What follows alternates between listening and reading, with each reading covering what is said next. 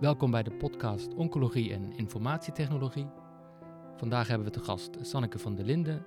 Sanneke is strategisch adviseur van het Catharina Kankerinstituut bij het Catharina Ziekenhuis in Eindhoven. Welkom Sanneke. Dankjewel Matthias.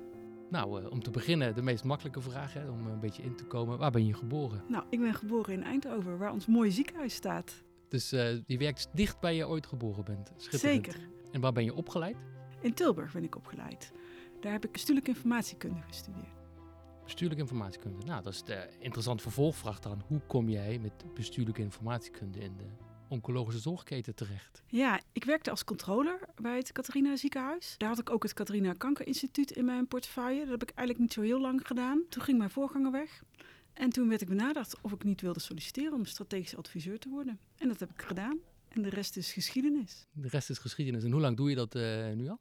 Anderhalf jaar. En daarvoor was je een hele tijd uh, controle, dus in de oncologische ja. zorg aan de hele ja. tijd betrokken. Ja, niet alleen bij het Catharina Kankerinstituut, maar bij de zorggroep waar het Catharina Kankerinstituut deel van uitmaakte. Dus ik kende wel de dossiers die daar speelden, vooral vanuit financiële hoek. Als je dan vanuit nou, die rol kijkt naar, naar de oncologische zorgketen, wat verbaast je dan het meest als je denkt aan informatieuitwisseling binnen de oncologische zorg? Ja, dat er eigenlijk heel veel kan technisch. Dat de organisatie daarvan en de afstemming dus tussen de techniek en de processen soms heel moeizaam gaat. En soms ook dat er technisch kleine dingen fout gaan, waardoor het totaal onderuit gaat en het toch ook weer niet werkt. Speelt er dan een rol dat mensen er niet op vertrouwen dat, dat het tussenuit gaat af en toe? Ja, of afhaken, denk ik bijvoorbeeld in de multidisciplinaire overleggen, die je veel ziet in oncologie, die zijn ook vaak ziekenhuisoverschrijdend, tenminste bij ons ziekenhuis, in de regionale zin. En als dan het geluid niet werkt, of de beelden niet werken, of we kunnen niet in elkaars dossier kijken, dat helpt niet, zeg maar. Terwijl dat niet hoeft. Nou ja, dat gaat weer terug dan naar uitprinten, meenemen op papier en dit soort dingen. Ja, uit voorzorg om dat of zo. We hebben zelfs een MDO waarbij er altijd gevraagd wordt wie er zit te ritselen. Omdat er dokters zijn die altijd alles nog geprint meenemen. En als je dan dus bij je microfoon gaat zitten bladeren in je stapel papier, dan hoor je dat dus. Heb je nog een ander voorbeeld waar je zegt van dat verbaast me eigenlijk gezien de dag te dag in de oncologische keten qua uitwisseling? Nou, de oncologische zorg moet nog veel meer netwerkzorg worden, hè, maar is dat wel al op onderdelen, omdat stukken van het oncologische zorgpad, met name chirurgisch, zijn geconcentreerd. Mm -hmm. Dus die zitten bij bepaalde ziekenhuizen. En de uitwisseling in dat soort situaties, dat kan veel beter, zeg maar. Ik denk dat we daar dingen dubbel doen, dingen misschien dubbel bij patiënten uitvragen, brieven naar elkaar sturen. Dat begint langzaam wel beter te worden, doordat we in elkaars dossiers kunnen kijken of zo. Maar beelden gaat ook steeds beter.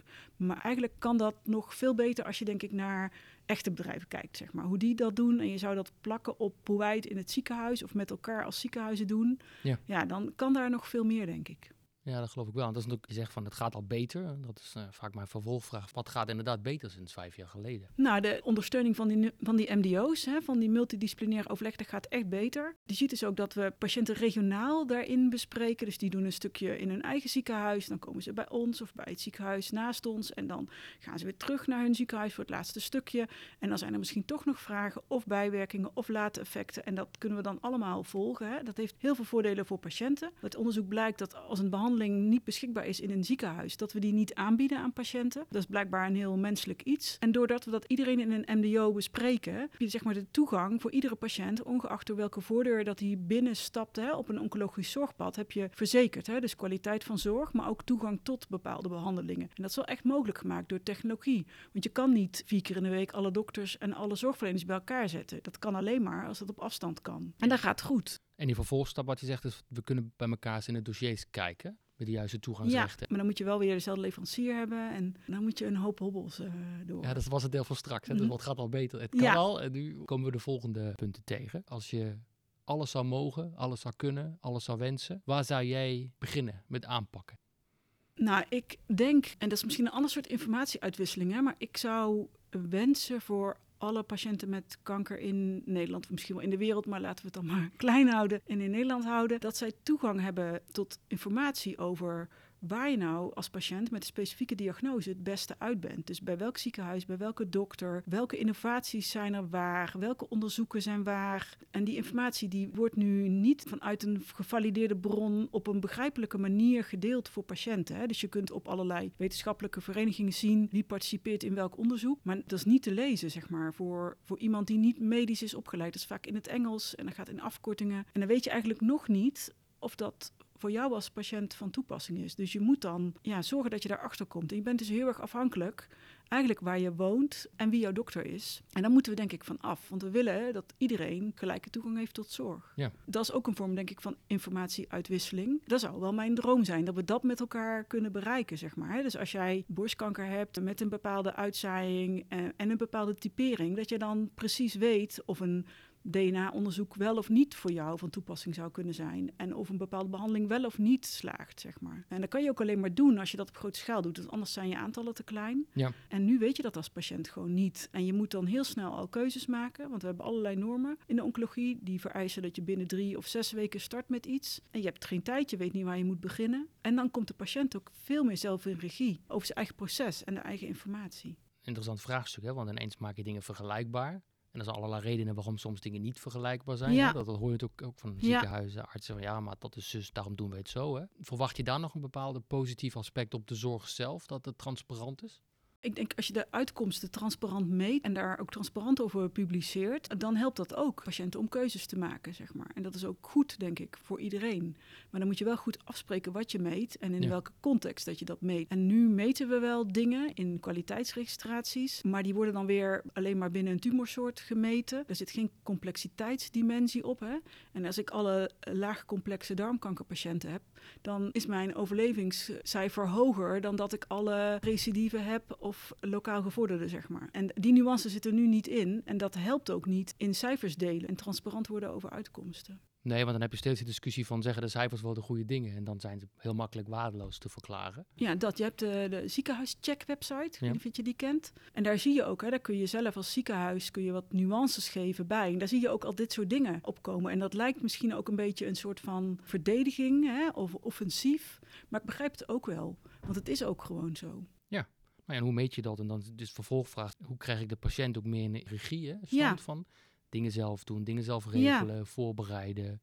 Ook zelf regelen dat ik hulp krijg als dat niet lukt. Hè? Ja. dit soort dingen die spelen hier natuurlijk een rol in. Ja, dat bedoel ik ook. Ja, kijk, en uit onderzoek blijkt dat tegenwoordig veel gebeurd is dat we patiënten fit maken voor de operatie. Hè. Dat heet dan Fit for Surgery en Enhanced Recovery After Surgery en rehabilitatieachtige programma's. Uit onderzoek blijkt hè, dat een groot effect daarvan is niet dat mensen per se fysiek fitter worden, maar dat ze het gevoel hebben dat ze zelf invloed hebben op hun genezingsproces. Als patiënt voel je je overgeleverd aan een set van zorgverleners die naar eer en geweten voor jou zorgen. Maar waar is jouw eigen regie? En je voelt je beter als je daar invloed op hebt. Dat kan ook door informatie, denk ik. Ander onderwerp dan bijna dit onderdeel, maar informatievoorziening heeft ermee te maken. De informatie die we zelf moeten zoeken, Ja, die slaan we beter op dan dingen die ik aangereikt Ja. krijg. Hè? Dus elke awareness-campagne die dingen allemaal aanreikt, dat is lastig om te slagen. Maar als je het zelf mensen op zoek laat gaan, zelf invested, ik heb er tijd aan besteed, het kost me iets. Allemaal effecten die, eh, die een rol spelen. Het is wel grappig Ja. dat we die noemen in het kader van informatievoorziening. ja. Want Dat die heb is voor mij informatievoorziening. Maar Ja, want die heb je nodig om Ja. dit te kunnen doen. En dat waren het ook voorheen, was dat niet heel makkelijk mogelijk. En wat denk je is een realistische eerste stap om de informatievoorziening te verbeteren in de oncologische zorgketen? Ik geloof wel in dat concept van dat soort informatie ontsluiten voor patiënten. Ik denk dat we daar ook met elkaar in moeten oefenen. Wat verwachten we dan wat een patiënt doet? En kan een patiënt dat zelfstandig of met zijn omgeving? Of moeten we daar dan in helpen? En hoe weten we dat iets een gevalideerde bron is, zeg maar? En hoe organiseren we dat? En dan moeten we denk ik klein gaan beginnen. Dus we moeten nadenken over criteria om tot dit soort uitkomsten over te gaan. En gewoon klein, voor een kleine, misschien een subtumorsoort is beginnen, waarvan je weet dat dat dicht op elkaar zit. Een wetenschappelijke vereniging heel actief is, bijvoorbeeld Stichting Darmkanker. Dan een goed voorbeeld daarvan. Daar zou je daar best wel eens mee kunnen beginnen. Omdat dan op een plek ergens in het land waar zorgverleners bij elkaar zitten die ook echt expert zijn in tumorsoort, maar daar zou je best wel eens kunnen beginnen om daarmee te experimenteren. Om te kijken of dat, dat dan ook het effect heeft. Hè? En wat de andere kant dan nodig heeft. En hoe je dat dan onderhoudt, die gegevens. Hoe je zorgt dat die up-to-date zijn. Hoe je volledigheid na nastreeft. Hoe je zeker weet dat je dan alles hebt. Misschien ook wel hoe de industrie daarin zit. Hè? Hoe de Philipsen en de farmaceuten van deze wereld daar dan aan kunnen bijdragen. Want die hebben Ja. er ook een rol in. Ik denk dat je gewoon lokaal Moet klein beginnen. moet beginnen. Ja, Ja, gewoon beginnen en dan eh, misschien ook zeggen van nou, het is niet volledig, maar het is dit deel. ja. Om even in ieder geval eh, aan de slag te gaan. Ja, je hebt natuurlijk ook hele verschillende types mensen. Hè? Dat noemen ze in de communicatiewereld persona's. Daar moet je ook iets voor verzinnen.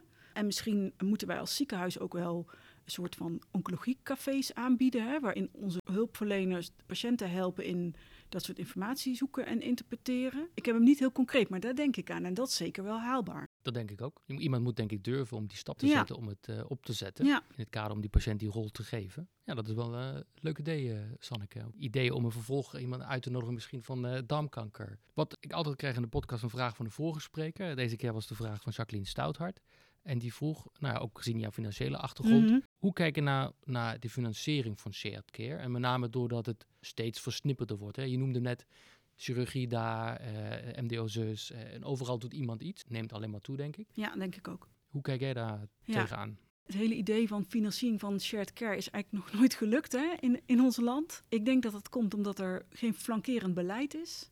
En met flankerend beleid bedoel ik dan dat we een verdienmodellen hebben die daarop passen. Want nu is dat eigenlijk niet zo. Hè? Dus, dus verdienmodellen van ziekenhuizen en dokters zijn daar helemaal niet op gericht. Ook de positie tussen een zorgverzekeraar en een ziekenhuis is daar niet op gericht. Want het mechanisme van een zorgverzekeraar is nu die inkoop langs die lijnen doen. Hè? En als zij dat loslaten, ja, waar zit dan nog hun groei, hun rem, hun, hun mechanisme om daarop te sturen? Maar ik denk ook dat er nu geen regisseur is in een zorgketen die dan die financiën verdeelt op een bepaalde manier. Ik denk wel dat er wordt steeds meer vanuit waardegedreven zorg gewerkt.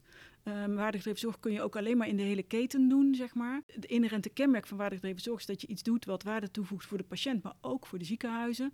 Dus zinvolle dingen die patiënten fijn vinden, minder lang opgenomen worden, minder vaak onderzoeken, minder heroperaties, minder IC-dagen, dat vindt het ziekenhuis en de zorgverzekeraar ook fijn. Nou, dus je moet aan flankerend beleid werken voordat je die stap kan maken, maar staan wel aan de vooravond daarvan. Want het is niet meer zo dat het één op één relaties zijn, met name in de oncologie. Dat is heel erg over de instellingen heen. En het ISA gaat dat alleen nog maar meer aanjagen. Want er komt nog verder aan de concentratie. Dus dan gaan nog meer ziekenhuizen en zorginstellingen participeren in een zorgpad van een oncologische patiënt. Dus wat jij zegt, eigenlijk moet je goed kijken naar de financieringsmodellen, de incentives ook. Ja, We doen dat gedeeld, hè, maar dat een soort wederzijds vertrouwen. Toch probeer ik nog ja, mijn kosten te verdienen. Want dat moet je dan eigenlijk wat loslaten. Om te kijken hoe krijg ik dat over die hele breedte VR gefinancierd. ja, maar ik denk als je naar je zorgpad kijkt met een bril vanuit de waardegedreven zorg, dan krijg je daar wel aanknopingspunten voor wat je prestatieindicatoren zijn, waar je naar wil kijken. En als je daar je financiering op kan doen, dat zou een stap kunnen zijn. Maar dan moet je wel nou ja, met alle partijen die bijdragen aan die keten daar afspraken over maken. En realiseer ik me ook dat het heel lastig is. En daar moet je denk ik aan je verdienmodellen ook werken. En denk je dat daar een regisseur voor nodig zou moeten zijn? Ja, ik denk dat iemand regie moet voeren op die keten. Anders gaat het niet lukken. Dus de hele ISA is nog best een uitdaging. Nou, dit staat niet per se in de ISA, maar dit Nee, komt daar wel achterweg. vandaan. Ja, precies. Ja, ja, Nou, dat is wel, eh, wel spannend. En speelt natuurlijk ook de informatievoorziening een rol van wie doet wat, waarom. Dat Ja. je natuurlijk ook uitgewisseld hebben. Dus als je dat al niet hebt, dan is het ook lastig om het... dat. eh, Nou ja, sterker nog, je mag als ziekenhuizen niet eens bepaalde informatie delen. Je mag niet kostprijsinformatie delen onderling. Er zitten allerlei wetten en, en praktische bezwaren nog tussen eh, dromen en daden. Ja, precies. Dat is laatst genoemd bij een event van Emily. We trekken ze al heel op het eind een soort blikje open. Denken, oeh, die is best ingewikkeld. Nou ja, volgens mij heel duidelijk hoe je daarmee zou kunnen werken. Nu niet aan ons om dat op te lossen, denk ik. Voor mijn eh, volgende gast, welke vraag zou jij willen stellen? Ja, ik denk dat de ambities in oncologische zorg groot zijn. Hè? Ook mede gedreven door dat ISA. We willen eigenlijk overal in de landen willen we gelijke toegang tot zorg, gelijke behandeling, hetzelfde aanbod. In de ISA staan allerlei ambities dat we in de top drie van Europa willen uitkomen op bepaalde tumorsoorten. We willen veel meer toe naar, naar regie in dat soort zorgketens. Ja, die ambitie is echt mega. En ik vraag me wel af, we hebben minder mensen die in de zorg willen werken. En onze patiënten worden ouder en worden zieker en leven langer doordat we ze beter kunnen behandelen. Dat wordt een enorm vraagstuk. En ik vraag me af, wat kan informatietechnologie of technologie in algemene zin daar dan aan bijdragen? Is dit daar een oplossing misschien? Goeie vraag. Sanneke, dankjewel voor je tijd. Graag gedaan.